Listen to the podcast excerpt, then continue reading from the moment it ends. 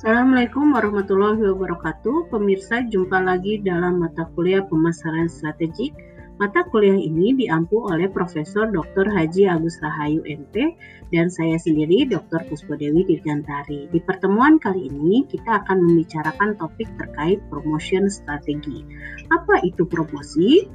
Promosi adalah elemen dalam bauran pemasaran organisasi yang berfungsi untuk menginformasikan, membujuk, dan mengingatkan pasar tentang organisasi dan atau produknya Bauran promosi terdiri dari personal selling, periklanan, publisitas, dan hubungan masyarakat. Cara memilih bentuk promosi yang tepat yaitu dengan mengetahui pasar sasaran, sifat produk, tahap siklus hidup produk, dan anggaran yang tersedia untuk promosi. Cara mencapai pasar sasaran, pemasar harus mengidentifikasi siapa yang dipengaruhi dan menentukan kesiapan konsumen untuk membeli, meliputi kesadaran akan produk, pengetahuan, dan tingkat kesukaan, pilihan, keyakinan, dan pada akhirnya mereka akan membeli.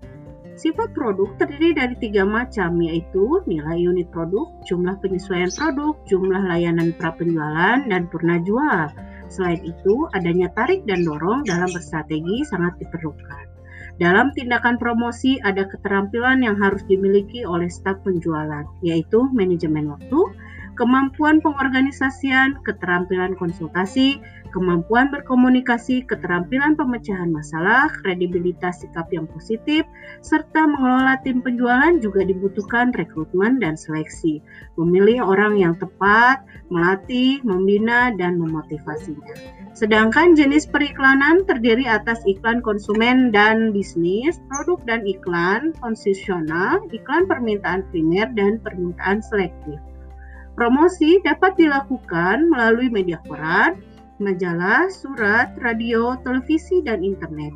Yang terakhir yaitu bagaimana cara mengelola hubungan masyarakat atau humas dan publisitas. Humas dapat dicapai dengan mendukung proyek-proyek amal, menyediakan relawan, atau sumber daya lainnya dalam partisipasi kegiatan acara di masyarakat. Sponsor memberikan informasi kepada pelanggan melalui buletin. Publisitas dapat dicapai dengan rilis berita terstruktur ke media, mengkoordinasikan komunikasi pribadi dengan kelompok atau dengan orang per orang. Dengan demikian, apa yang dapat kita simpulkan dalam perkuliahan kita kali ini? Perusahaan harus mengenali pesaing pasar, menyiapkan anggaran promosi dan metode penjualan yang akan digunakan. Sekian perkuliahan online kita. Sampai jumpa pada materi lainnya. Wassalamualaikum warahmatullahi wabarakatuh.